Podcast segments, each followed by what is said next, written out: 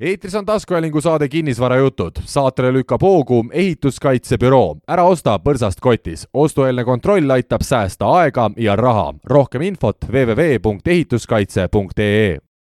ja Kinnisvarajutud podcast taas eetris, osa number kakskümmend üheksa, üks osa on veel juubelini minna, aga kuulajatele saladuskatte all võin öelda, et meil on juba kommikarp siin laua peal olemas. üks osa liiga vara algis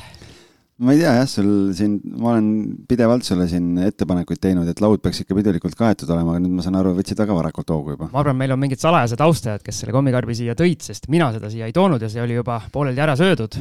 no mulle sobib. aga mitte sellest kommikarbist me ei tahtnud rääkida, vaid meil on täna taas suurepärane külaline ja taas on nii-öelda õrnema soo esindaja, et tundub, et siin Eesti kinnisvaras ikkagi naised seda ilma teevad, Algis, on nii? Ei no see tegelikult on tore, sellepärast eks mehed on ikka jutumehed olnud alati ja naised on nagu tegude peal, et selles mõttes ma arvan, elus on kõik tasakaalus. absoluutselt ja tutvustame siis meie tänase külalise ära. hästi pikk eh, nii-öelda sissejuhatus saab olema ettevõtja, investor,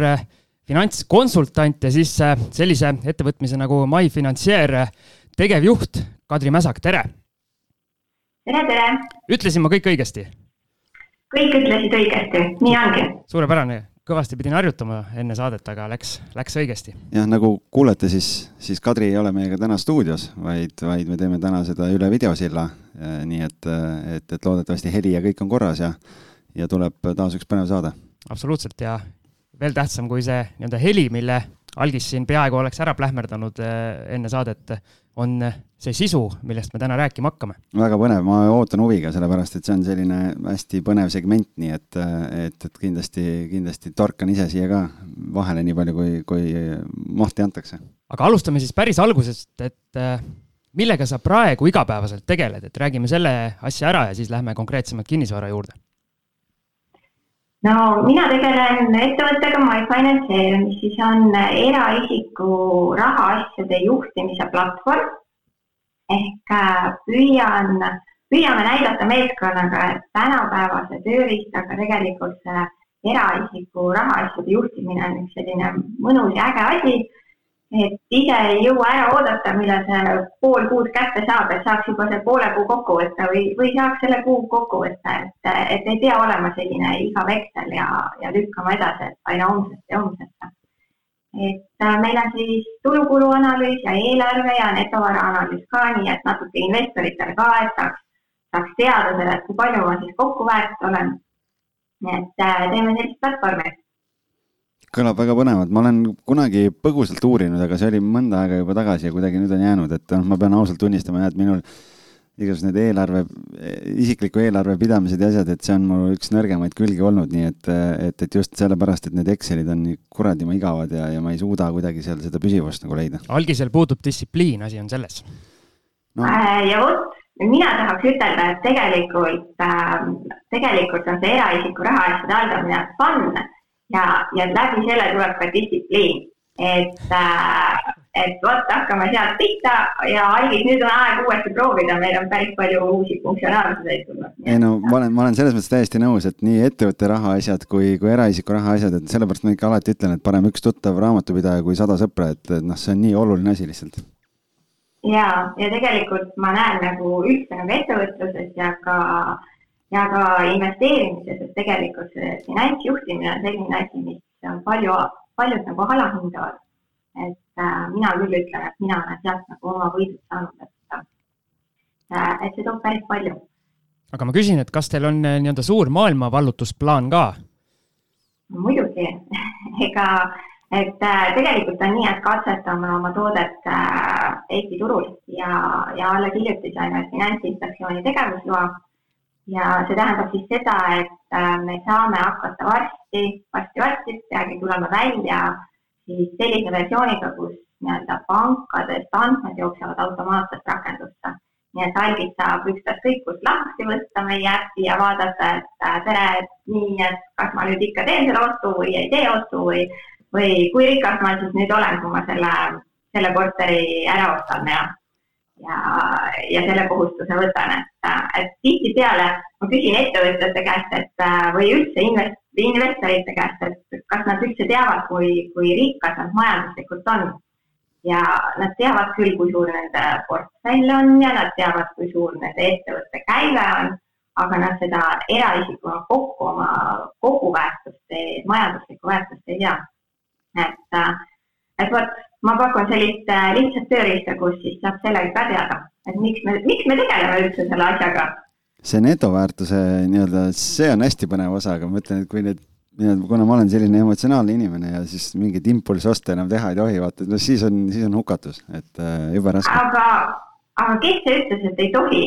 mina ütlen, et kui need on äh, ei no kui. teadlikud äh, ja selles mõttes, et võib-olla sa ühel hetkel, ausalt öeldes mina näen, kuidas minu netovara, pere netovara kasvab ja mul ei jäägi nagu väga mingiks emotsiooniostudeks äh, vahendeid, sest mul on nii suur tung investeerida et äh, kuidas ma näen, kui, kui ta ikkagi kasvab eksponentsiaalselt ja ma tean, mis ma tegin õieti, et see kasvab eksponentsiaalselt, siis,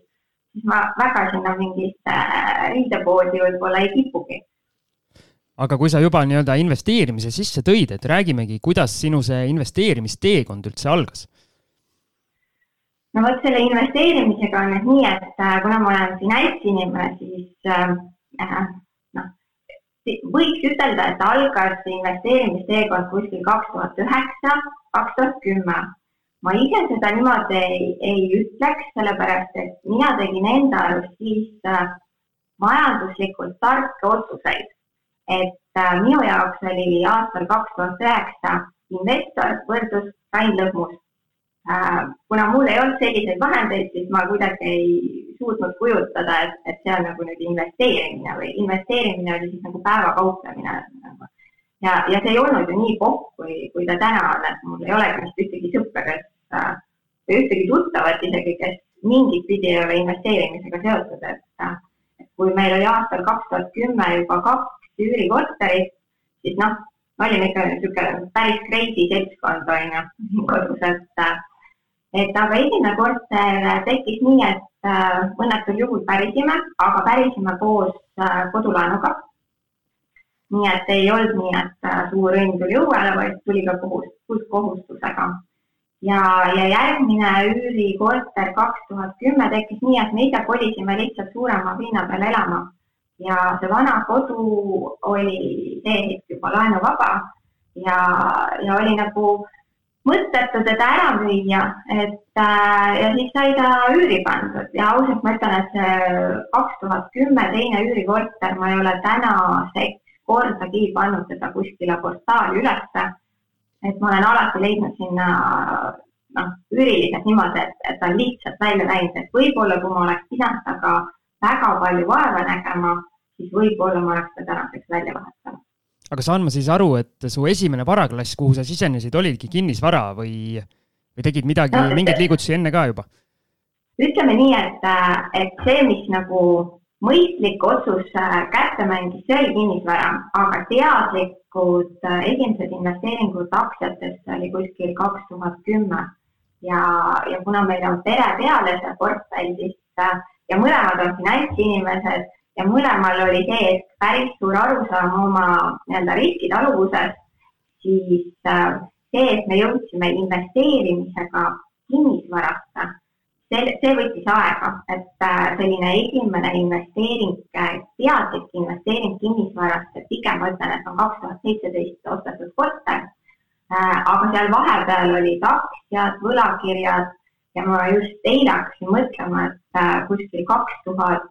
kümme, kaks tuhat kaksteist ma teenisin tähtajalise hoiusega sellist tootlust nagu täna kinnisvaras. Äh, noh, ilma võimenduseta saaks teenida, et siis tundus nagu see, et kuna kaks äh, üürikorterit juba oli, siis tundus nagu suht mõttetu, et miks ma peaks endale mingit tüli, üürilisi juurde võtma ja mingit tüli, kui ma saan tähtajaliselt hoiuselt ilusti selle tootluse kätte aga see tüli, et kas sul selle esimese kahe korteriga siis oli mingeid probleeme või, või, või kust, kust see selline nii-öelda mõtteviis või kuvand tekkis? no selles mõttes ja, et me saime ikka esimese korteriga kohe nagu sellised, siiamaani ma ütlen, et äh, esimese korteriga võib-olla olid sellised kõige suuremad vitsad, et, äh, et äh, kohe üks juhtum tuleb meelde, kus üür ei laekunud. oli selline tore tudeng oli seal sees helistasime talle ja küsisime, et noh, et ole hea, et maksa ära. ja siis see neiu teatab, et oi, et aga ma elan kolm nädalat juba Saksamaal. Et ma jätsin teie selle korteri võtme päris ukse hinge külge. Kolm nädalat tagasi. siis oli selline tunne, et ah, issand. Ja kuna see korter oli nagu teises Eesti otsas, mul oli sellel ajal väike laps, onju, ma olin ise mingi sihuke kakskümmend kuus, kakskümmend seitse. Äh, no ja siis võtsime mehega ruttu lapse, pakkisime autosse ja siis läksime vaatama teise Eesti otsa, et mis sellest äh, korterist siis alles on. Äh, lõppes kõik hästi, saime oma rahad kätte peale ühte kõnet või kirja ja, ja siis korter oli ka korras. võti oli seal hinge küljes alles veel või oli mõni naaber juba enda kätte võtnud selle? See võti oli seal alles ja ta oli imehästi, selle uksel oli selline nahk polsterdatud ja ta oli selle sinna vahele niimoodi ära peitnud, et ega, ega ma arvan, et see, kes ei osanud nagu otsida, see ei oleks seda sealt leidnud. aga noh, kui ta nagu ütles sulle konkreetselt, et kolm nädalat tagasi ma panin võtme kuskile ja, ja noh, seda ka siis, kui me ise nagu helistasime, et kus sa oled, on ju, et kus raha on. et see oli selline päris ehmatus ja noh, ütleme see, et ma sain tegelikult, saime selle esimese korteriga päris hästi selgeks seda, et et kui nagu ise väga ei taha tegu, tegutseda äh, igapäevaselt ja haldurit ei ole, siis teises Eesti otsas üürikorteri omamine on igavene pein. et ähm, noh küll oli seal tuvi lendas kuskile ventilatsiooni, otsustas seal ära surra ja hakkas haisema ja, ja noh, igasuguseid selliseid juhtumeid on ju, et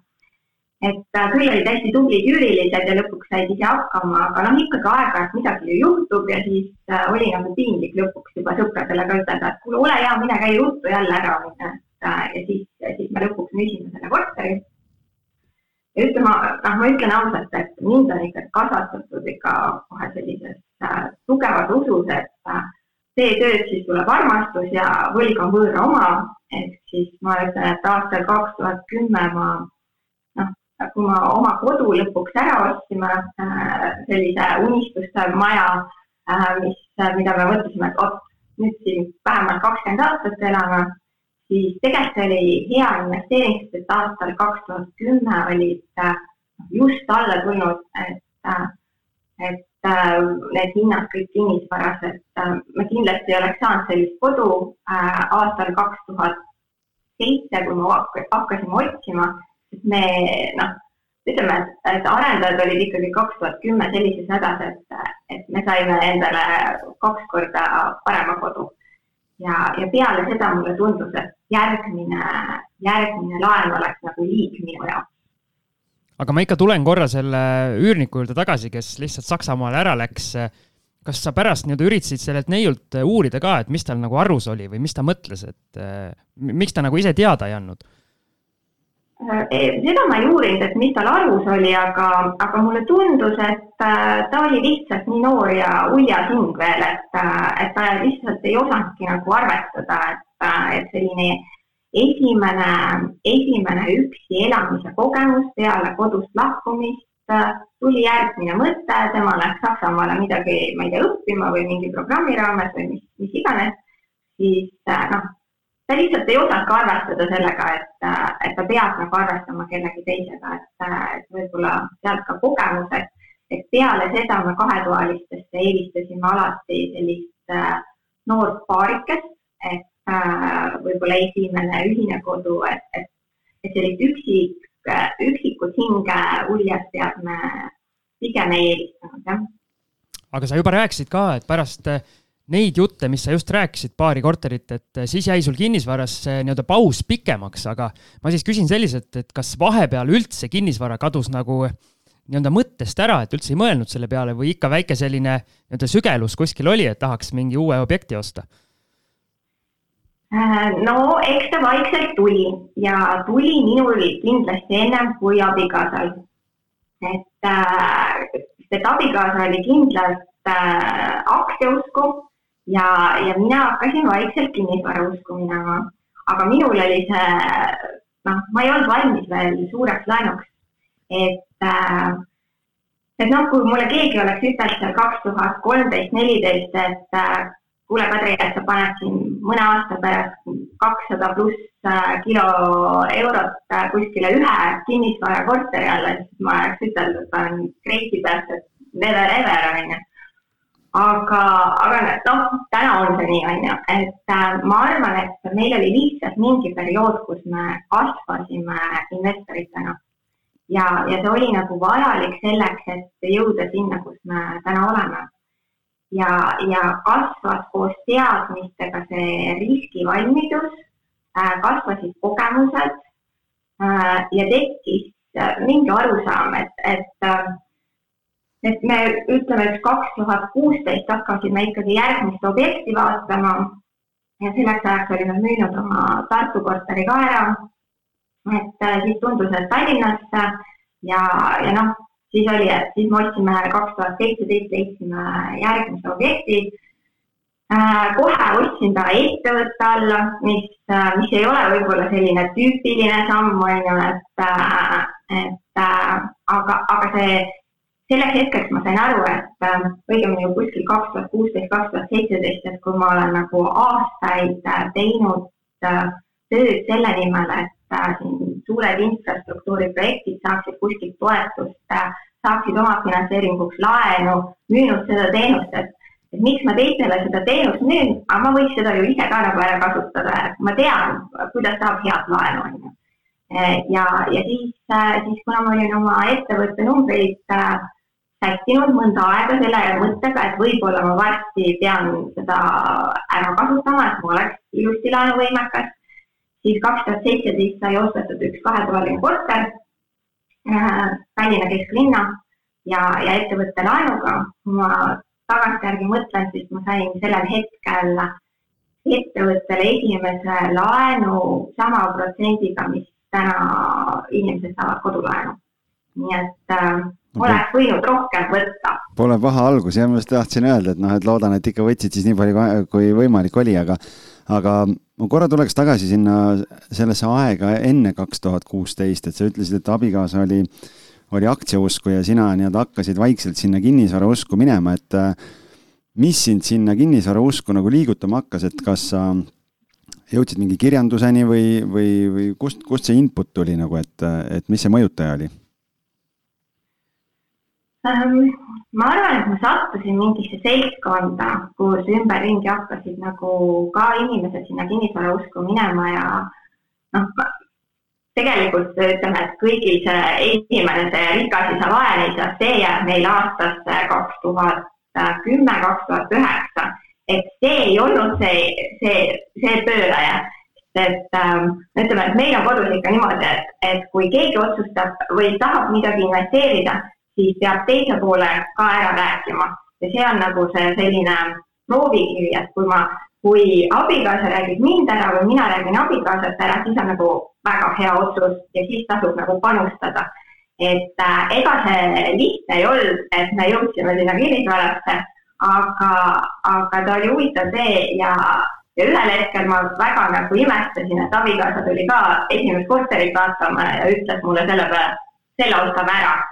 nagu ja, ja siis me ostsimegi ära. Ja, ja siis oli, siis oli juba lihtsam, aga mõnes mõttes ma saan aru seda,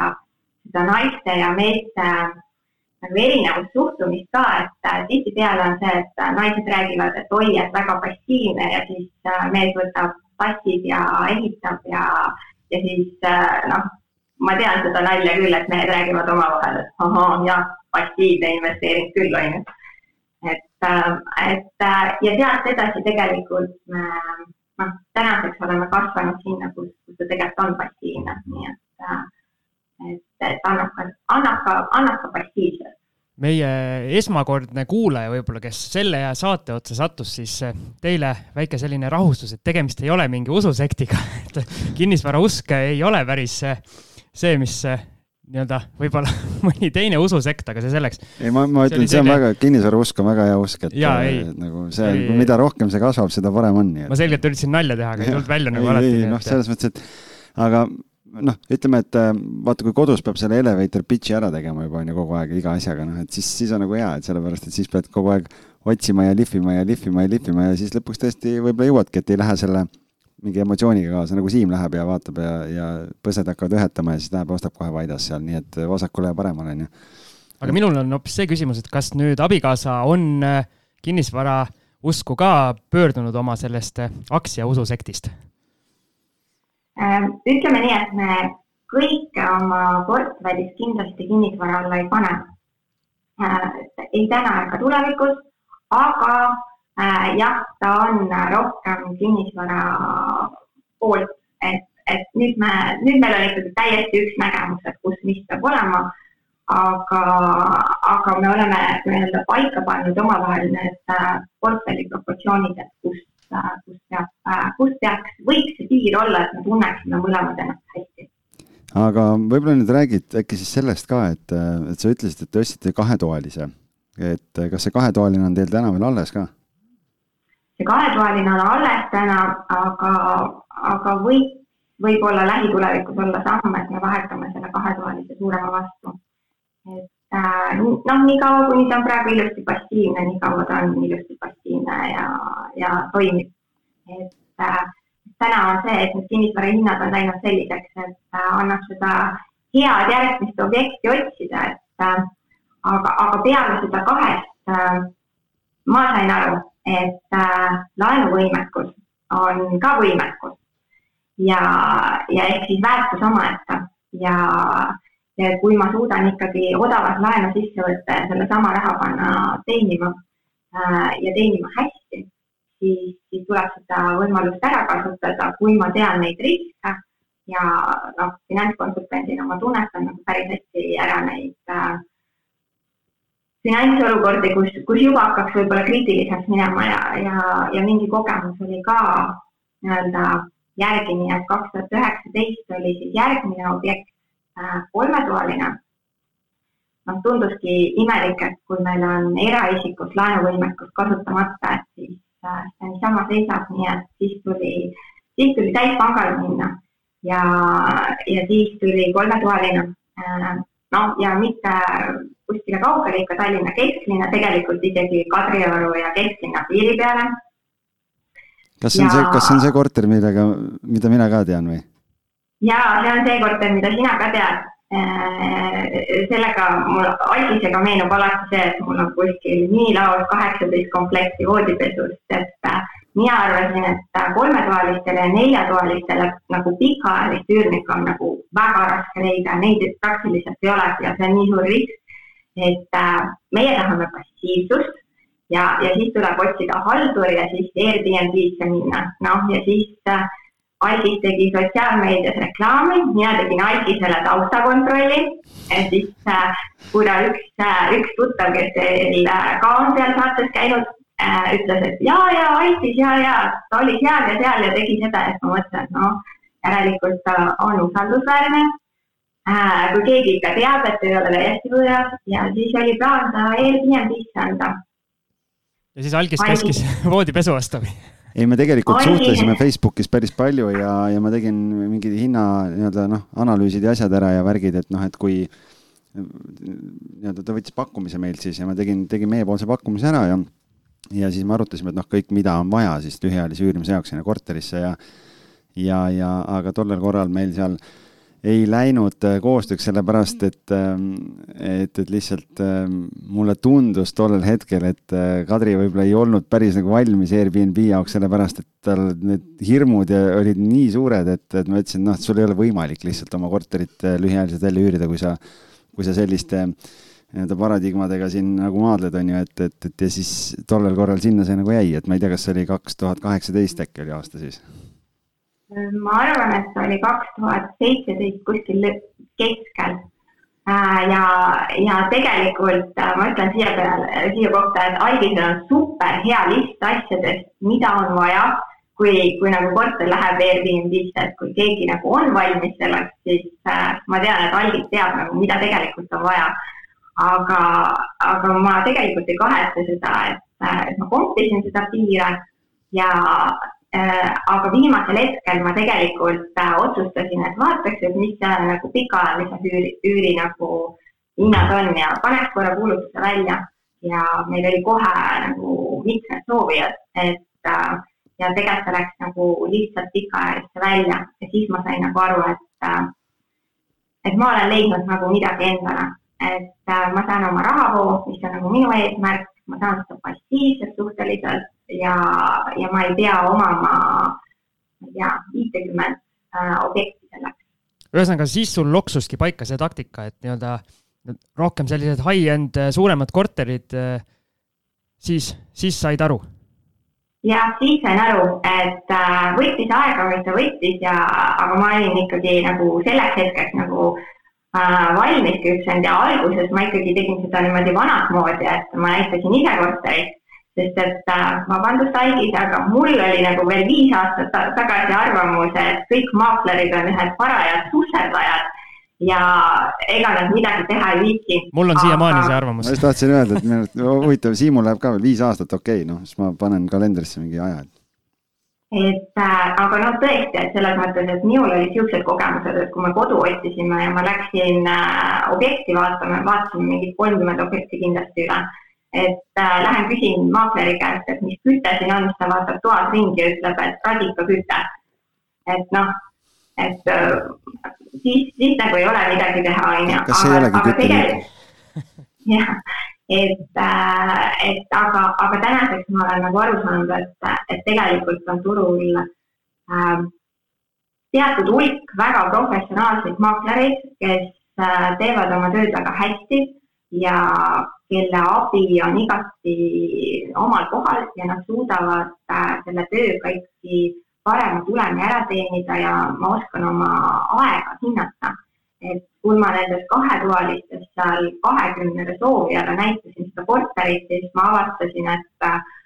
et noh, ma olengi nagu poole kohaga maakler, on ju, et ma, ma ei saa seda teha, mida ma tahan teha, et see ei ole see passiivne, millest räägitakse, et kinnisvara investeeringud on passiivne, siis ma koristasin seal, siis ma, ma ei tea, noh, kõike võimalikku tegin ise ja, ja siis ma avastasin, et ma olen nagu noh, sisuliselt vahetanud oma töö siis millegi vähem teeniva vastu. et, äh, et see ei olnud nagu mõttekas ja tänaseks on mul jah, nii-öelda isiklik maakler. Äh, ja mul on äh, ütleme, teatud arv remondimehi, kes mind aeg-ajalt aitavad mu maakler on selline super inimene, et ta organiseerib koristaja, ta organiseerib äh, kõik pildistamised, videod, võtab kõik, kõik need soovijad seal vastu, räägib kõik asjad ära, viimase korteri andis ka üle, nii et noh, et, et ma olen jõudnud nagu sellele passiivsuseni, mis ma olen soovinud. minu meelest on see nagu kõige ehedam, parem näide äge sellest nagu kasvamisest, et, et ma mõtlen selle vestluse peale, mis meil oli kunagi aastaid tagasi ja nüüd see, et sa räägid, et isegi ta viimase korteri andis juba maakler üle niimoodi, et sa ise nagu kohalegi ei läinud, et noh, see näitab seda usaldust, et, et tegelikult see on nagu nii-öelda nii ka maaklerile nii-öelda kõige parem võimalus, mis saab selles mõttes üldse olla ja, ja tegelikult ka üürnikule hästi mugav, et, et kõik protsess tehakse niimoodi ära, et ei ole mingit liigset äh, kontrolli või peavalu või noh, umbes, et ikkagi omanikuga kohtuda ja siis on veel teine voor ja siis on mingid asjad ja noh, et kõik, et nii-öelda ikkagi maakler teeb oma professionaalse töö ära. Ja kui on varasemalt positiivne kogemus all, et siis, siis jah, eks ta nii on, et osa omanikke, kes võib-olla oma esimese või teise korteriga proovivad, nendel on ikka see, et tahaks ise ka üürnikuga kohtuda ja nii, aga, aga ma näen ise ka sedasama trendi, et kui ikkagi üürnikul läheb või sellel investoril läheb portfell suuremaks, siis mingi hetk nad saavad aru, et see, et tema on kohal seda lepingut allkirjastamas või, või valdust üle andmas, see tegelikult ei ole oluline või vajalik, sellepärast et kui, kui kõik toimib nagu kellavärk, siis, siis see nagu ei loo tema enda jaoks mingit lisaväärtust seal. jah, ja, ja, ja tegelikult noh, ma ütlen, et minu jaoks on nagu hästi oluline, et see, see üürnik oleks normaalne inimene. et, et, et see maakler tunnetaks, et tal oleks see, see andur, sisemine andur nagu sama, mis minul et ma saan seda nagu seda sisemist andurit usaldada, et kui, kui see klient on ikkagi jah, et võib-olla ta on nõus seda, seda maksimaalselt, võib-olla ta on isegi üle nõus pakkuma, aga on juba näha seal noh, korteri näitamisel, et ta on pigem selline probleemne, ükski asi talle nagu ei sobi hästi, et, et noh, et maakler saab sellest ka aru, et näed, mul on selline inimene, kes on nõus maksma nii palju aga ma näen, et aga nagu noh, lähiajal ilmselt mingeid niisuguseid kurtmisi. Ja mul on selline teine inimene, kes on, võib-olla ta tahab see viiskümmend eurot sealt alla saada, aga ta on äh, selline, kellega sul on tõesti nagu see passiivne ja, ja mõnus äh, suhtlus, et ma täna isegi ei ütle nende, nende üürnike kohta äh, nagu üürnikud, vaid ma pigem ütleks nende kohta kliendid ja, ja nad on nagu koostööpartnerid mul. Et, et see suhtumine on ka nagu ajaga muutunud. see on väga äge point, et sa selle välja tõid. Ja tegelikult noh, kui ma, kui nii-öelda mõeldagi nagu selle peale, siis minu meelest üks nii-öelda levinuim müüt, mis on, meil on seal Facebooki grupis ka see korduvalt läbi käinud, ongi see, et et ah, maakleril ei ole ju mingit vastutust või või noh, et maakler teeb ju ainult oma nii-öelda, tahab oma vahendustasu kätte saada ja noh, siis maa on must pärast seda, aga noh, tegelikult ei ole, sest ega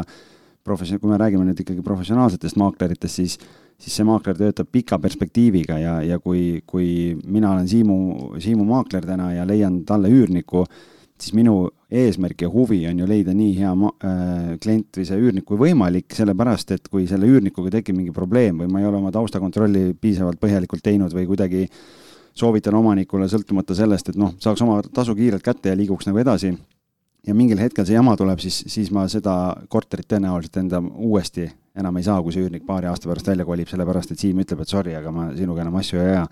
et tegelikult ja. ikkagi on see, see nii-öelda vastutus või, või ka see, et noh, me teeme samamoodi, see on meie, meie leib ja, ja meie äri ja meie kuvand ja bränd, et, et tegelikult on seda vastutust, vähemalt minul isiklikult on küll nagu hästi-hästi palju, nii et, et ja ma usun, et ka kui sina oled sellise maakleri endale leidnud, siis see näitab sedasama, et, et see inimene mõtleb nagu pika perspektiiviga ja sealt see usaldus tekkida saabki.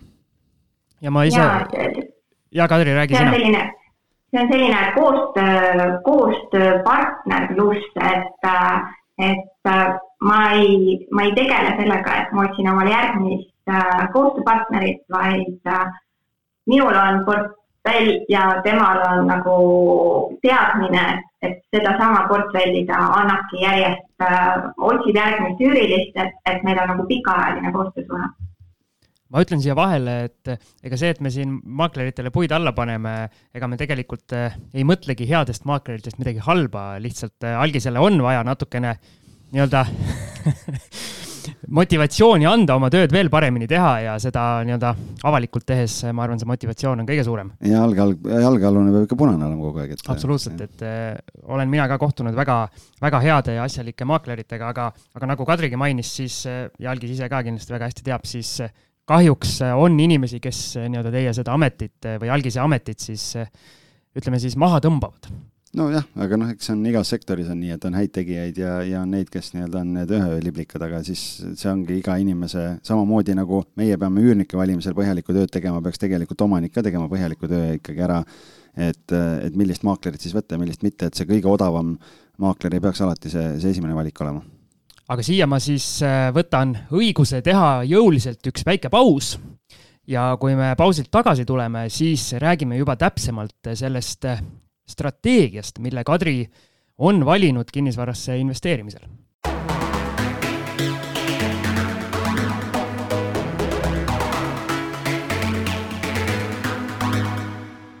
ja väike vahekõll on kuulatud ja nagu lubatud sai, natuke keskendume siis sellesse nii-öelda suuremate korterite ja võib-olla jõukama kliendi strateegiasse, mille Kadri on valinud, aga enne ma küsin sult sellise asja ära, et me saate esimeses osas rääkisime või sina õigemini rääkisid natuke sellest laenamisest ja laenuvõimekusest ja võimendusest ka, et räägi, milline investor sa oled, et kas sa oled valmis võtma ennast iga hetk kurguni eh, laenuraha täis ja siis sa oled õnnelik või vastupidi, võtad täpselt nii palju kui vaja? Ma olen avastanud ikkagi aina, ühesõnaga ma olen kasvanud selleni, et äh, ma hindan võim, laenuvõimekust ikka kui, väärtust omaette ja, ja sellest võimekusest äh, ma võtan nii palju, et äh, ma saaks veel öösel magada. et see on see mõõdupuu ja, ja täna ma noh, pigem, pigem olen julge, jah aga kust see piir läheb, võib-olla kui saladus ei ole, et kust see sinu rahuliku une piir läheb siis nii-öelda omafinantseeringu ja, ja LTV osas mm.? No ütleme, et niisugune kuuskümmend protsenti võimekust on äh, kogu portfelli peale, millega ma saan magada. okei okay,, no see on päris hea ju. aga lähme siis selle strateegia juurde, et räägi täpsemalt, ma saan aru, kolme või neljatoalised või nüüd on juba nii-öelda väga konkreetseks läinud, et mingi, mingi konkreetne number tubade arvet, arvus? Äh, nüüd on, äh, suund on sinna, et Tallinna kesklinn, kolme-neljatoalised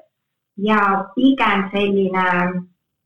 no ütleme, püüame sinna A-klassi mahtuda, et äh, sinnakanti ja, ja see süsteem on siis nii, et äh, minu või noh, meie peal on siis korteri toetus äh,. hästi tähtis, oluline osa on see, et äh, kust saada heade tingimustega laenu ehk see sisuliselt need head tingimused äh, ja see laen on see, mis Äh, toob mulle ära omakapitali tootluse. et äh, kui ma kasutan seal isegi remondimehi või, või, või mingeid muid või isegi kui see tootlus nagu objekti pealt ei ole, noh, kui lihtsalt KV-st vaadata ja sealt tootluse arvestada, siis ta ei ole võib-olla seal noh, kõige tipptootlusem, aga ma toon selle tänu heale laenule ära omakapitali tootlusest. Äh, nii et Äh, et ma, mu tegelikult minu raha teenib väga head äh, tootlust ja, ja siis äh, püüame klienti, kellel ei ole noh, väga suuri nii-öelda probleeme rahaliselt, rahaliselt on ju, et ma igapäevaselt ei puutu kokku selle probleemiga, et et kas see üür on nüüd äh, laekunud või ei ole laekunud, et mul siin just üleeile oli juhtum, kus äh, klient äh, maksis ära oma üüri juba tükk aega varem, aga mina tegin raamatupidamist ja saatsin talle arve, noh, ikka peaks nagu arve ka saatma. ja siis ta saatis mulle mureliku kirja, et oi, ma tegelikult maksin, et kas ma pean nüüd uuesti maksma, et kas sa ikkagi oled kätte saanud, et noh, hoopis teistpidine probleem. et siis tuli talle seletada, et ei, et kõik on hästi, et ma lihtsalt saatsin sulle arve ka ja, ja eakate hetkel on siis äh, üks kolmene ja kaks neljast. üks kolmene, kaks neljast ja siis see kahene on ka veel äh, seal. ja kaks kahet ka, kaks kahet ka aga sa hästi viisakalt nagu tõid selle välja, et sellised nii-öelda kliendid, kellel ei ole väga rahalisi probleeme, aga ma siis küsin, et kesklinna Kadrioru piir, ütleme neljatoaline, mis see üür tänapäeval sellises piirkonnas ja sellises nii-öelda A-klassi korteris, nagu sa ütlesid, võiks olla? No nagu kolmetoalisel võiks olla ta sinna tuhande kanti, on ju, et võib-olla tipa alla, et äh, oleneb, kui suur ta ka on ja, ja nii edasi, mis need äh, lisad on. aga neljatoalisel noh, tuhat kakssada pluss ma, ma võin tuua võrdluseks praegu, et mul on ka siin äh, sattunud suuremaid kortereid ja, ja, ja mul on praegu muidugi uusarendustes kaks tükki on seal Kadrioru ja Lauluväljaku piiri peal on kaks tükki ja need on saja neljakümne ruudused muidugi, neljatoalised ja suure katuseterrassiga, et noh, need on kaks pool tuhat on üür, aga, aga noh, seal see on, see, see on nagu, ongi see kõige kallima otsa segment ja, ja seal seda pakkumist on nagu turul hästi vähe. aga teistpidi jah, jälle, et kui on selline kolmetoaline, siis me oleme ka siin Pärnu maanteele andsime ühe tuhande kahesaja viiekümnega ja, ja, ja praegu kolmetoalised, mis mul on siin, on ka seal Kadrioru pool ja, ja, ja kesklinnas on sellised kuuekümne ruudused on sellised tuhande tuuri ja ütleme, kui on sellised seitsmekümne viie ruudused kolmetoalised uuemad korterid, siis on selline tuhat kakssada, tuhat kolmsada, kuskil niimoodi. aga kas inimene või perekond, kes sellise summa üüriks maksab iga kuu, kas nemad on kuidagi nõudlikumad ka, et tahavad ikkagi saada selle raha eest, äh, ma ei tea, kas rohkem, aga ütleme siis täit teenust? Äh, kindlasti, äh, nad on väga selles mõttes teadlikud sellest, et kui nad maksavad, siis nad soovivad ka head asja. aga natukene lahendab see probleemi seda, et kui ma oman sellist kinnisvara, kus ma nagu ise tahaks ka elada, et kus ma ise tahaks ka, et seal on kõik asjad korras, et Äh, siis, äh, siis mõned asjad ma ilmselt olen juba eelnevalt ära lahendanud, aga muidugi on sellised teistsugused mured ja rõõmud, kui nende kahetoalistega oli, et, et äh, noh, küll, küll ma ei tea, pritsib vett näiteks vanni seinast mööda või noh, mingid sellised teistsugused, teistlaadsed mured või, või siis näiteks nende tule suitsuanduritega et ega välismaal need ei ole ju väga levinud ja kohustuslikud, et äh, nad ei oska nendega midagi peale hakata. et äh, või siis tuleb kõne, et tiksub siin mulle, et mis nüüd teha, kuhu ma pean nüüd pöörduma, et, siis tuleb õpetada neid, et mis teha või, või et äh, kui esimest korda tuleb inimene üldse Eestisse, siis ma ei tea, on vaja vannikorki osta, siis noh, tal pole õrna aimugi, kus seda vannikorki saab, et siis tuleb ikkagi see vannikord sinna muretseda onju ja ise kohale viia, et, äh, et Eesti inimene ilmselt leiab selle vannikorgi ise, see viiekümne sendise. või siis tuleb inimene, kes, äh, kes noh, tõesti ei ole kunagi Eestis käinud onju ja küsib, et, äh, kuidas teil üldse siin nagu ülekandeid tehakse. ja, ja kui siis võtsime äpi, LHV äpi lahti ja vaat-, näitasime talle, et vaata, et sihuke äpp on ju, paned siia ülekanne ja siis mul on nagu sekundi pärast raha üle siis ta vastis suurte silmadega,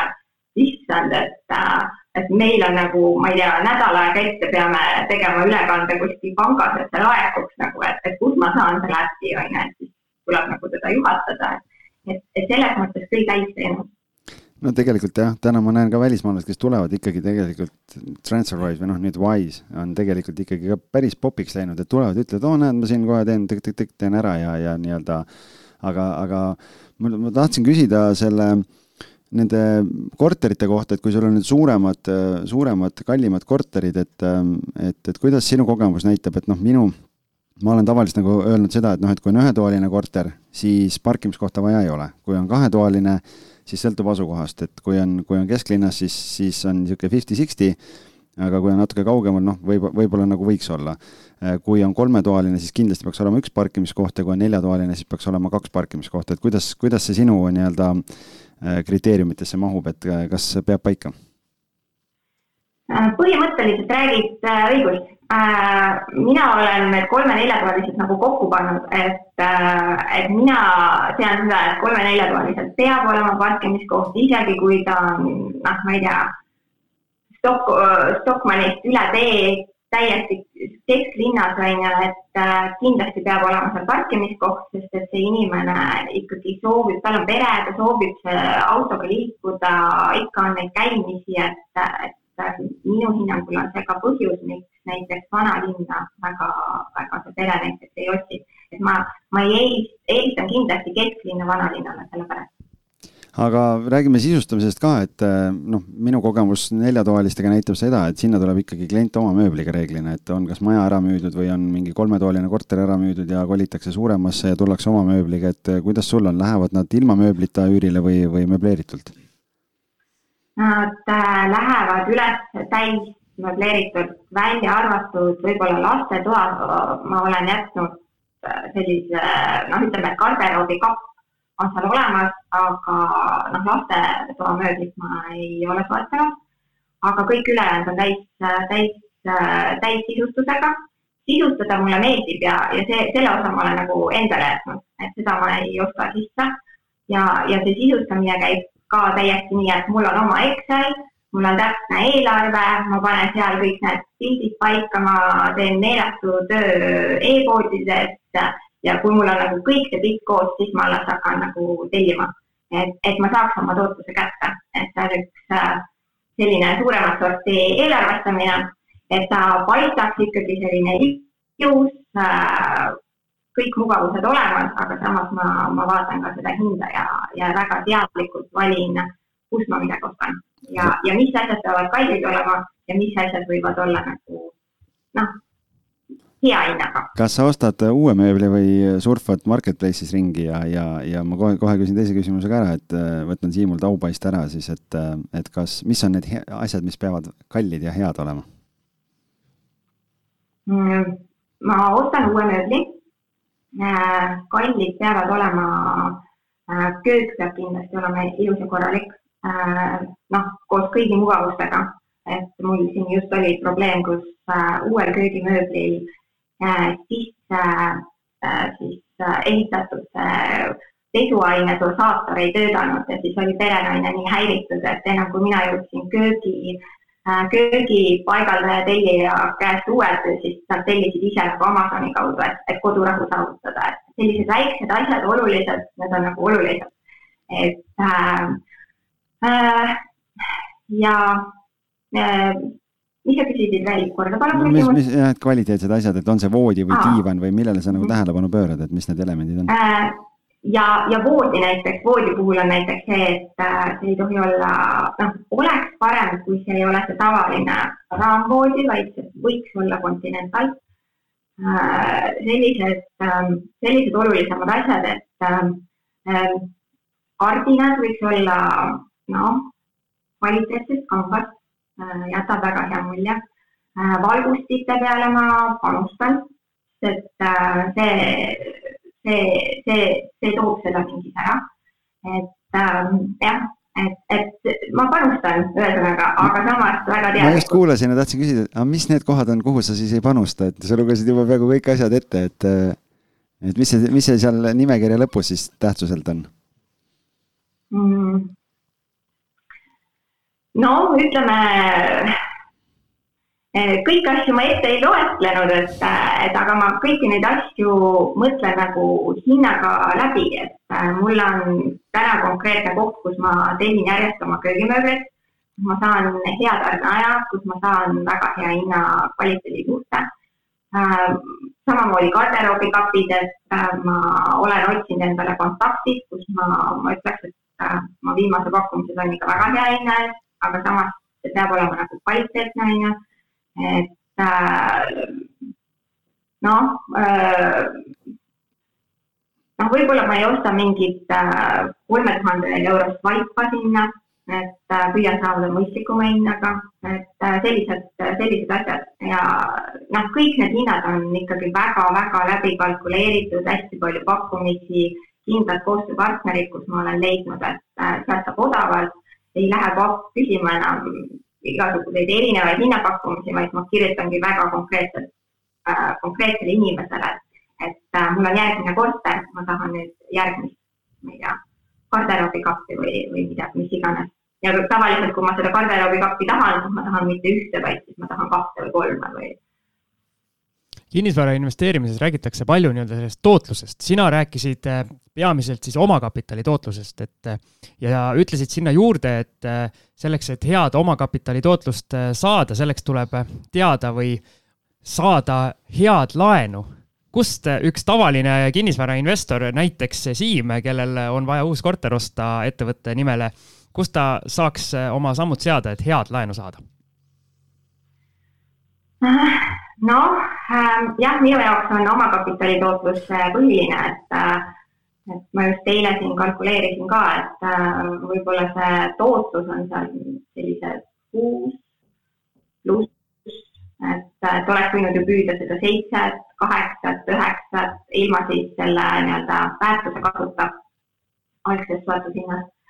aga, aga omakapitali tootlus on see, mis peab nagu hea olema, et, et, et sealt tuleb kuidas, kuidas laenu saada, eriti ettevõttele.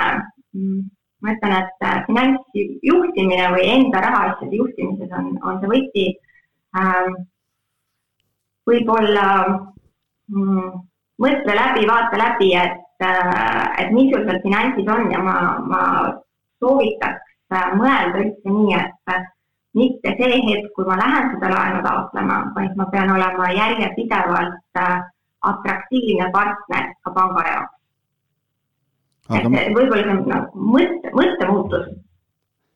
aga mis su omakapitali tootluse ootus on, et äh, kust see piir läheb, et sa ütled, et nii, et, äh, et siit nüüd me seda me ostame, seda me ei osta, et, et siin, siin on see punane nüüd, et siit, see ei sobi mm,? no äh, no läbi aegade natukene erinev, aga, aga ütleme, et ilma sellise Äh, väärtuse kasvuta. No vähemalt kümme protsenti. et äh, ja väärtuse kasv sinna otsa, et ma üldiselt olen selline, selline inimene, et ma ei, äh, ei arvesta oma portfelli sisse kuskilt ise kv.ee või mingi teise portaali alusel mingit enda hinnangud enda kinnisvarale, et ma kajastan oma portfelli väärtuses ikkagi nagu seda soetusmaksumust nii kaua, kuni ma olen teinud äh, konkreetse hindamise äh, nagu hindamisakti või olen tellinud või, või siis panga käest. et äh, et seda ka paljud äh, ei tea, et tegelikult ka pangad äh, teevad neid hindamisi äh, siis äh, selle laenu andmise jaoks, et äh,, et seda paljud ei kasuta, mina olen seda kasutanud. aga ma tahtsingi küsida, sa ise natukene selle teema juurde tulid, et kas sa teed enda jaoks aeg-ajalt äh, hindamisakti, et teada saada selle nii-öelda väärtuse kasvu kohta ka? Või, või see on nagu pigem juhuslik, et see ei ole sul nii-öelda traditsioon või Äh, no ma aeg-ajalt teen, äh, aga mitte, ütleme, mitte kindlatel aegadel, sest ma teen seda lihtsalt, noh, see on selline nice to do on ju, tõstab äh, võib-olla hetkeks nina kõrgemale, aga, aga samas tegelikult ega ta mulle rohkem seda üüritulu ei too ja, ja ega ta tegelikult mulle seda, seda noh, nii-öelda ma võin ju näidata oma MyFinance'is netovara suuremana, aga mis see mulle annab, et kui ma ei plaani seda korterit praegu müüa äh,, mul on pikaajalised üürilepingud ka olemas, siis see teadmine mulle tegelikult midagi ei anna äh,. ma teen seda siis, kui mul on vaja näiteks ettevõtte jaoks äh, nii-öelda seda hinnangut või mul on näiteks vaja kasutada mingist korterist, et ta väärtus on kasvanud ja mul on vaja panna sinna lisahüpoteeki näiteks peale, et ma seda välja ostetud osa äh, saaks hakata ikkagi kasutama kuskil mujal oma finantseeringu osana. et äh, seda võib-olla ka nagu natukene vähe teatakse või kasutatakse, et, et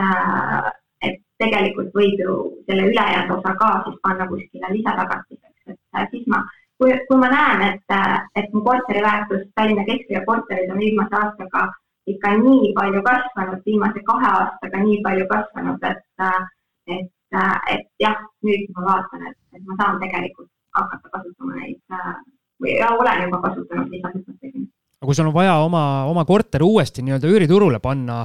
kuidas sa selle üürisumma nii-öelda paika paned, kas seal aitab sind see isiklik maakler või sa teed ise mingi taustatöö? Ähm, ma teen ise ka taustatöö, äh, aga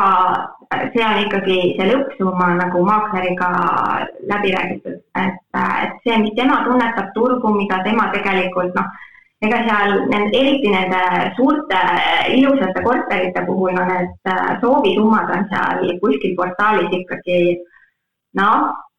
päris suured soovid, et äh, mõni ripub seal ikkagi päris, päris pikalt, et, äh, et siis saavutada see,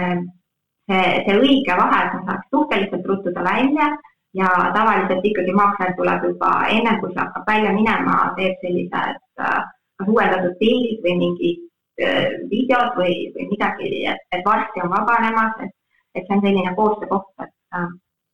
pigem sa aga siis, ise ikka ka natuke. pigem sa siis vaatad äh, nii-öelda sellise, sellise hinnataseme poole, et sul oleks hiljem valida üürnike vahel, mitte nii, et lähed seda nii-öelda sinilindu püüdma, et see üks, kes tuleb, et sellele annad ära. Äh, jah, et selles mõttes, et noh, ma küsin, püüan ikka küsida aina rohkem nii, et, et endal peab ka natuke piinlik olema aga, aga kui, kui nagu tegelikuks valikuks läheb, siis on, äh, kui on kaks võrdset äh, üürilise, üürilise kandidaati, siis ma valin selle,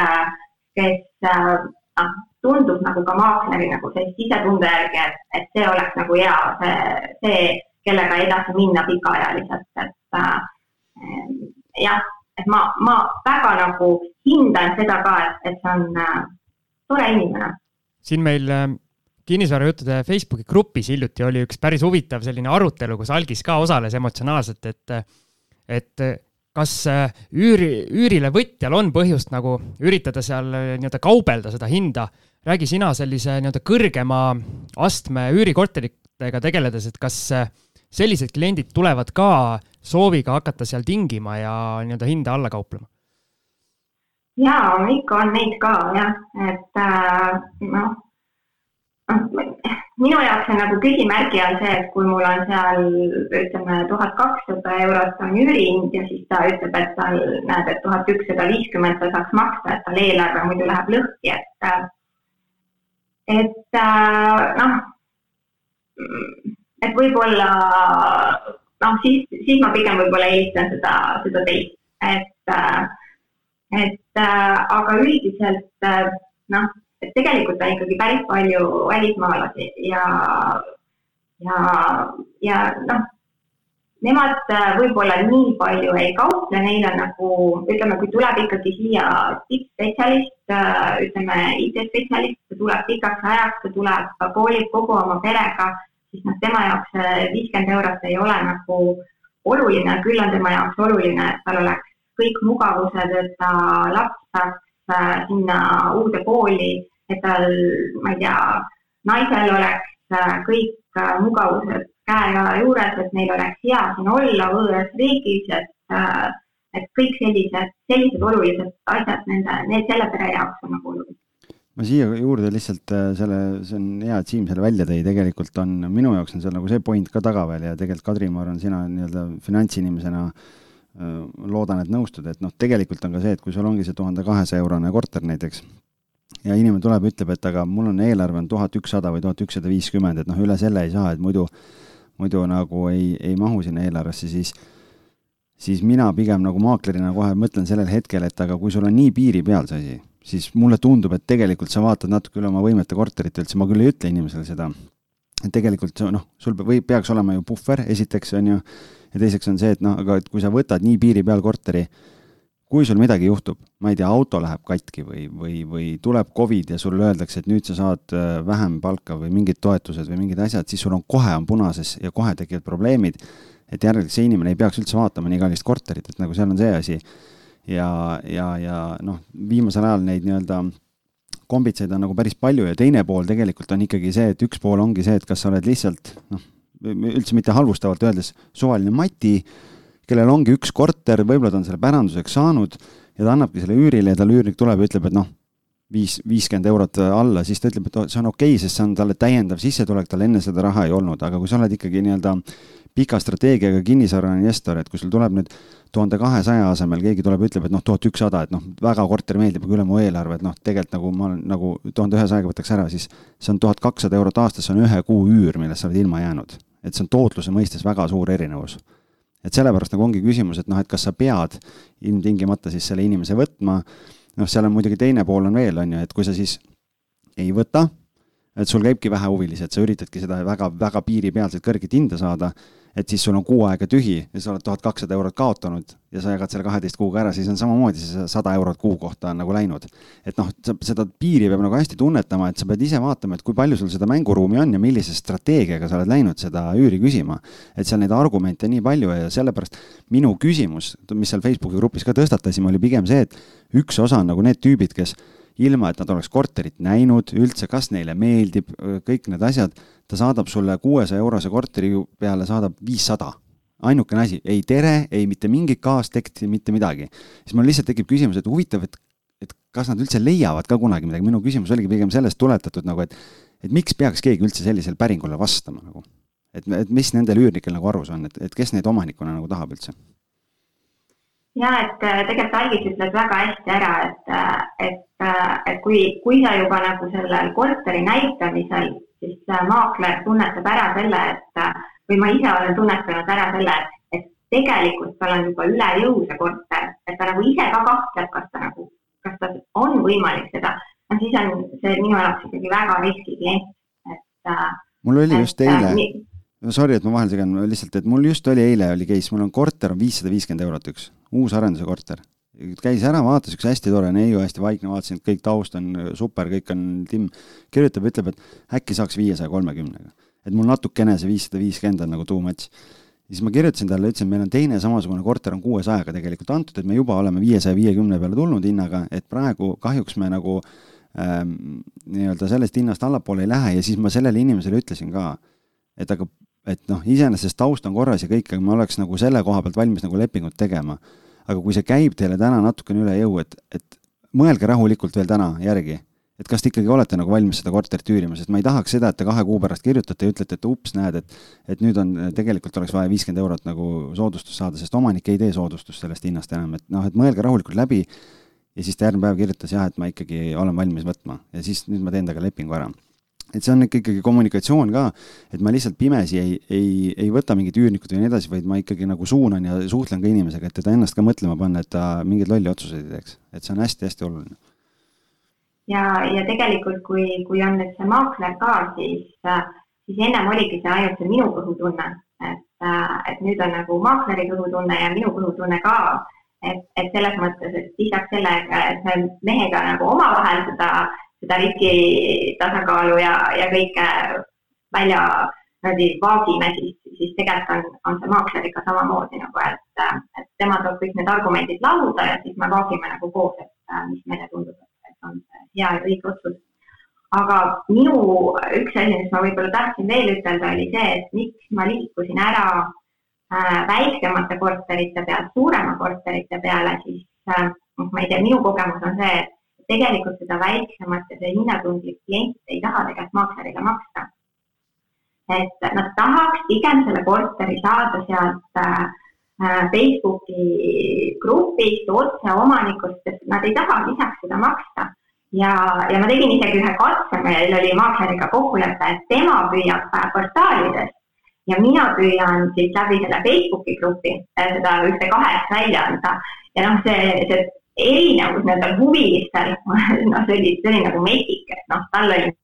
mingi neli huvilist ja mul oli siis mingi kakskümmend huvilist ja ma tegin kaks-kolm täispäeva, mängisin maaklerit seal. et noh, sellepärast ka, et, et tegelikult see, see kolmese, neljase mitte nii-öelda maksejõulisem klient tegelikult ta, ta valib pikemaks ajaks, ta teeb oma pere jaoks selle kindla otsuse ja, ja siis ja ta on võimeline ka selle, selle professionaalse maaklerile maksma selle osa, et, et see ei ole nagu tema jaoks äh, mingi üle jõu käiv probleem. Ja lisaks ta ju maksab veel deposiidi, et äh, ja kui veel on veel mingid lemmikloomad, siis võib-olla kahekordse deposiidi. et äh, ta käib välja selle suure summa, aga ta võtab selle otsuse nagu pikaajaliselt, et pigem ma kahetoalistega nägin seda, et eriti kui siin Covidi aeg oli, et ja keegi kuskil grupis äh,, populaarses Facebooki grupis veel kirjutas, et oi, et kas teie oma üürilistele olete juba alet teinud või kas nemad on juba küsinud, siis mul oli kohe kaks meili postkastis, et äh,, et noh, et paluks meile ka, sest et noh, teised ju küsivad, on ju. Äh, et, et sealt ma nagu näen seda, et, et pigem selles kolme-neljatoalises ma saan nagu seda maaklerit äh, sinna lisada juurde. et ta nagu leiab oma koha mul on küsimus äh, halduspoole kohta, et meil eile tekkis enne salvestuse päeva siin eile tekkis äh, Facebooki grupis diskussioon selle kohta, et kas kinnisvarasse investeerimine on investeerimine või on see sugar coated äh, aktiivne ettevõtlus. ja, ja nüüd minu küsimus ongi sulle, et sul on täna viis korterit. et sa haldad ise neid täna, et oled sa kokku löönud ajaliselt, kui palju sul läheb seda aega täna sinna, et noh, sa räägid, et te olete võimalikult passiivseks teinud kogu selle asja et äh, kui palju sa töötunde sinna sisse paned täna, oskad sa hinnata? Äh, ma töötunde ei oska hinnata, aga, aga ma võin ütelda küll, et, äh, et kahetoalistega, mis ei olnud nagu nii hästi korras ja nad olid pigem noh, seda teed, et osta korter, teha enam-vähem odavalt, odavamat korda ja siis, siis välja, nendega oli nagu rohkem tegemisi, et äh, ma suht ausalt olen ütelnud ka oma üürilistele, et vaadake, et äh, see on nagu minu passiivne raha teenimise viis.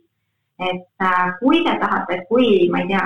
seal ühes väikses kahetoalises boiler läks katki, et ma saan aru, et teil on nagu kiire sellega, et kui te tahate kiiret lahendust, siis vaadake, otsige, võtke pakkumine, võtke sealt mõistlik hind, saatke mulle see, ma aktsepteerin selle, tellite ära ja saadate mulle arve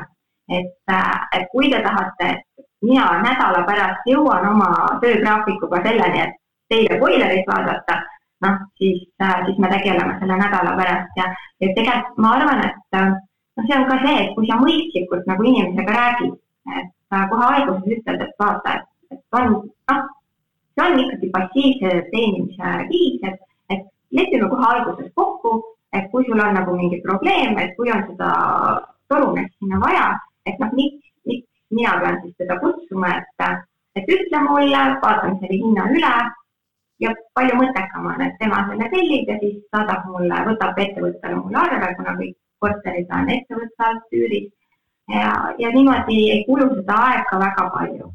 küll aga noh, ütleme, et iga uus korter, seda ma olen küll täheldanud jah, et iga uus korter, mis välja läheb ja on just ütleme sisustatud või remondist tulnud, siis esimesed äh, paar kuud äh, nagu seda sissesulamise ajal, see on koht, kus äh,, kus tekib uuel üürilisel palju küsimusi, kus tekib mingeid nüansse, võib-olla midagi ei tööta, võib-olla midagi tuleb välja vahetada, siis, siis on nagu vaja, aga üldiselt ma suhtlen oma oma üürilistega Facebooki Messengeris näiteks, et äh, ma ei võta neid, äh, see sõna üüriline, neid siis kuidagi väga paha maiguga, et äh, ma üldiselt tahaks kõigile hüüda, et tegelikult on enamik inimesi on väga toredad ja, ja nendega saab väga mõistlikult ja toredalt suhelda. ja kui on mingid üldised, üldised probleemid, siis ma suunan need lihtsalt sellele majahaldurile edasi okei okay,, väga hea, sellepärast et noh, tegelikult eks ta ongi ja see sõltub hästi palju objektidest ja see sõltub väga palju ka üürnikest, kes, kes lõpuks nagu satuvad, et et kui palju mingite korteritega on vaja, vaja tegeleda ja ja noh, ma just ise näen seda, et uusarenduse korteritega tegelikult on noh, hästi palju räägitakse sellest, et et oh, võtan uusarenduse korteri, et siis on vähem jamasid ja majanduskulu, noh, nii-öelda remont, kommunaalarved on väiksemad ja nii edasi, nii edasi, nii edasi. Tegelikult uusarenduste korteritel on äh, jah, on küll see võlu, et see elustandard ja kõik on nagu parem, aga selle, selles sisseelamise perioodis, et kui sul asjaõiguslepingud, asjad tehakse ära ja siis korterid antakse üle, siis ma näen, kui palju peavalu on äh, korteriühistutel esimese aasta jooksul ja korteriomanikel ka. küll tuleb kuskilt, äh, kuskilt korterist kõne, et ma ei tea, küte on liiga, noh, et ei toimi korralikult, siis on veesurve on nõrk mingi tsentraalne signalisatsioon kuskil kogu aeg läheb häiresse, neid probleeme ja asju on tegelikult päris palju, aga nii-öelda korteri sees on, on mingeid asju ja, ja üürnikud annavad päris palju teada, et tegelikult seal on seda halduspoolt tegelikult palju rohkem kui mingil majal, mis on võib-olla viis või kümme aastat juba olnud ja kõik need nii-öelda sünnitusvalud on üle elatud, nii et, et seda peab kindlasti ka arvestama, et kui, kui nii-öelda passiivset portfelli üles ehitada endale, et siis siis selles plaanis võib-olla see uusarenduste valimine alati ei olegi nagu kõige parem variant. jah, ma kirjutaks alla, meil on üks äh, uusarenduse korter ka ja niikaua, kuni arendajad ei ole seda täielikult üle andnud ja kõik need asjad ei ole paika loksunud, siis äh, on need kasvuvalud algis on tark mees, mul, mul tundub, et räägib siin juba mitmendat korda õiget juttu ja saab Kadri käest kiita, mul on hea meel. jumal tänatud, keegi on, vähemalt nõustub minuga. mees on kõrvust tõstetud äh, ühe, üks kordki siin saates. aga minu järgmine küsimus on selline, et kui see kinnisvaraturg, nagu sa korra siin äh, saate esimeses pooles mainisid ka, et praegu on raske head objekti hea hinnaga leida aga kas sul ei ole tulnud hoopis mõte, et kasutada seda võimalust ära ja võib-olla mõni korter ära realiseerida ja oodata siis nii-öelda paremaid aegu? no vot, sellega on nii, et äh, kus, kus on see parem koht, mis praegu buumis ei ole, et, äh, et kõik, kõik praegu lendab, et kui oleks mõni, mõni selline koht, kus saaks äh, lihtsamalt rahavoogu teenida kui kinnisvara, siis, siis võib-olla isegi mõtleks, aga hetkel on meie tõsine nii-öelda üldsuur eesmärk see, et saaks kinnisvaraportfellist kätte sellise rahavoo ja siis netorahavoo et äh, pere saaks äh, mõnusalt äh, ära elada. et kõik kulud ja kohustused oleks kaetud ja, ja sinnamaani võiks seda kinnisvaraportfelli tõsta. et kindlasti ma ei ole see investor, kes unistab, et mul peab olema viiskümmend korterit või kakssada korterit, et või ma ei tea, kolmsada tuba, et äh, minu jaoks on ikkagi see nagu nagu see raha, see põhimõte, et miks ma sellega tegelen, et äh, mul on vaja oma netovara kasvatada ja, ja mul on vaja seda rahavoogu ja hetkel ma olen leidnud nagu selle niši, kus ma kõige lihtsamini ja kõige passiivsemalt saan selle rahavoogu kui kaugel sa oma eesmärgist oled, sa ei pea nii-öelda euro täpsusega ütlema, aga suures plaanis? No varsti-varsti väga äge, mul on nii hea meel kuulda, kui keegi ütleb, et noh, et ta on juba jõudmas sinna nii-öelda selle finantsvabaduse sinna levelile, kus ta, kus on juba kõik, kõik igapäevased kulud ja asjad saavad nagu kaetud ja tegelikult võttes sinna juurde veel selle ka, et sõltub muidugi, millist elustandardit ju keegi soovib, aga, aga arvestades, et teil ei ole ei ole ühetoalised kolmekümne tuhande eurosed korterid, siis tegelikult see portfelli suurus on ju päris arvestatav juba nii-öelda eurodes võttes, nii et et, et selles plaanis, kui kümme või kakskümmend aastat veel edasi kerida, siis on ju päris ilus asi. no ma ei tea, kas ma jõuan nii kaua oodata enam, aga päris tükk aega juba nagu mindud seda teed, et äh, aga üldiselt äh, minu see finantsvabaduse eesmärk on seotud äh, netovaraga ja, ja noh, minul ei ole selliseid vahe finantsvabaduse eesmärke, et siis, kui mul on toidukulud kaetud või siis, kui mul on noh, ma ei, ma ei, ma ei unista vabadusest, mis on selline, kus ma igapäevaselt pean oma elu piirama. Et äh, ma ikkagi olen täpselt välja enda jaoks arvestanud, et missugune on selline vabadus, kus ma saan noh, elada, elada ka vabalt ja, ja suure tõenäosusega, kui need äh, töökohustused võib-olla lähevad väiksemaks, et siis inimene ikkagi ju naudib ja igasugune noh, paljuski mõistlik nauding nõuab ka mingit, äh, mingit raha sinna juurde. Et aga, aga kõike nagu teadlikult ja mõistlikkuse piires, et äh, mingit laristamist ma ka, ka ei, ei kannata, jah. Aga jube kahju, meil see aeg on lipanud äh, täiesti hullumeelselt, nagu alati, tund kümme on meil seda saadet juba siin äh, wow. umbes olnud, kuigi tundub, et just alustasime, aga hakkame vaikselt seda nii-öelda põhiosa kokku tõmbama kuulajatele nii palju infoks, et Kadri on lubanud äh, nagu meil viimased külalistel kombeks ka ühe väikese boonusosa meile teha, et seda siis saate hiljem kuulata patreon.com kaldkriips kinnisvarajutud, sealt, kui meie toetaja olete. aga Kadri, vaadates tagasi või tähendab, kui sina vaatad tagasi oma sellele kümme pluss aastat tegutsemisele kinnisvaraturul, mida sa annaksid uuele tulijale või värskele investorile, kes tahaks ka võib-olla, kas alles mõtleb või on oma esimest objekti ostmas,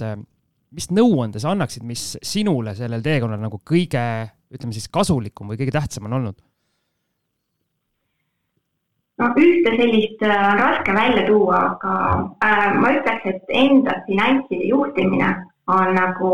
väga-väga tähtis, mida väga paljud ei tee ja siis, kui lähevad äh, pangast laenu saama, siis oo, mulle ei antagi. et, äh, et tegelege sellega ja, ja, ja see hakkab nagu ühel hetkel äh, tooma neid plusse. siis võib-olla teine asi, millele mina ei osanud mõelda, on see, et äh, tea, kes on sinu sihtklient, et kellele sa seda teed, seda korterit ähm, noh, ma ei osanud isegi mõelda seda, et tegelikult see on samamoodi nagu ettevõtluses, et teed oma persona, sa mõtled valmis, et sina teed seda korterit just selle kliendi jaoks, on ju, ja, ja selle pere jaoks ja suure tõenäosusega temal on need ja need soovid, et ta nagu üle ei investeeri kas sellesse sisustusse või, või, või siis ma ei tea, kasvõi nendesse äh, linadesse aga ma küsin vähe täpsustavalt, et mina olen see nii-öelda suvaline onu Siim Vaidas, nagu algis mulle kogu aeg ütleb, et mida tähendab see oma finantside juhtimine, anna mõni selline praktiline nõuanne ka, kui ma võtan nüüd täna pärast seda saadet, võtan otsuse vastu, et ma nüüd hakkan oma finantse juhtima. kui ma ainult selle sõnumi endale saadan, siis ma sinnapaika jäängi, ma ei tea, mida või mis praktilisi samme sealt edasi teha kui sa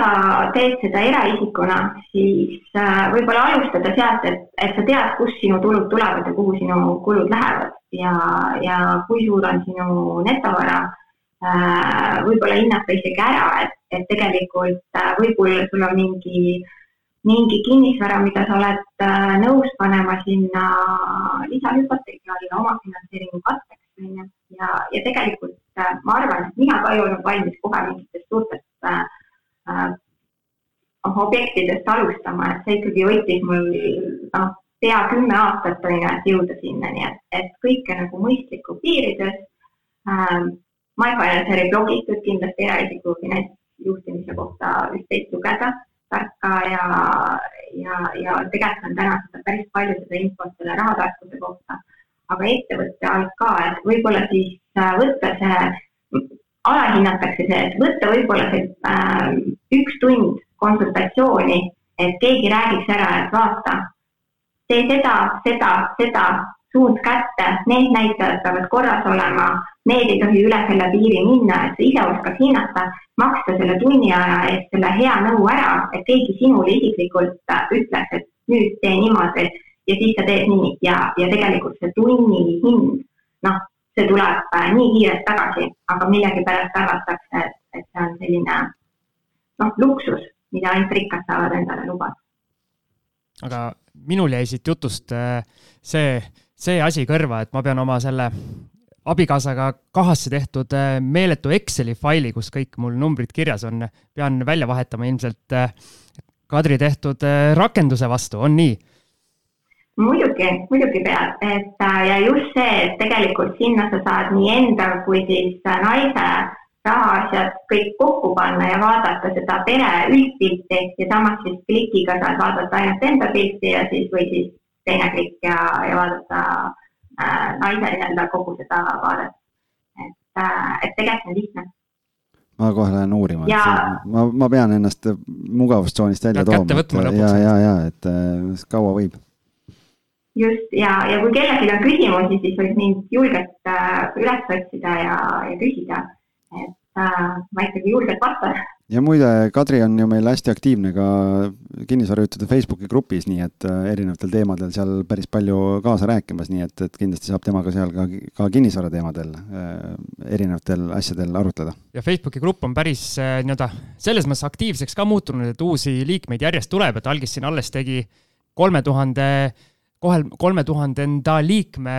postituse ja sealt on juba siin paarsada veel juurde tulnud. see on müstika, praegu tuleb, tuleb nii palju, et väga äge on näha, et inimesed on. kinnisvarabuum on meil käimas see on, see on tore, see on väga tore, et tere tulemast kõigile aga ma arvan, siia tõmbamegi joone alla suur,. suur-suur tänu, Kadri, et sa said meiega siin veebi vahendusel liituda. aitäh teile ka, väga tore oli. ja nii, et äh, loodame su jätkuvale passiivse portfelli kasvule siis ja, ja hoia meid kursis siis, kuidas sul läheb. ja ma pakun äh, sellise asja, viskan õhku, et kui see nii-öelda finantsvabaduse eesmärk on äh, ühel hetkel käes, siis äh, me teeme uue saate ja räägime täpselt, kui suur see portfell peab olema selleks, et olla finantsvaba. ja, ja kui mõnus see elu siis on ja mida sa siis tegema hakkad, et, et see on ka alati huvitav. teeme. mit-, noh, ma ei tea siis, ärme siis ütle, et mitme aasta pärast, aga noh, varsti näeme siis. küll tuleb. jah aga super, aitäh sulle ka, Algis, et sa seekord eriti nii-öelda tarku äh, lauseid siin välja pildusid, et äh, olid, olid abiks seekord. ja, ja aitäh sulle, et äh, pean ütlema, et Siim seekord üllatas, et tegi väga põhjaliku eeltöö ära saatele, nii et, et noh, mees natukene ikka kosub siin kevadel tulles. kui üksteist ei kiida, siis kes ikka kiidab, aga aitäh küll. olgu. aitäh aga... kõigile kuulajatele ja järgmine kord uuesti. kõike head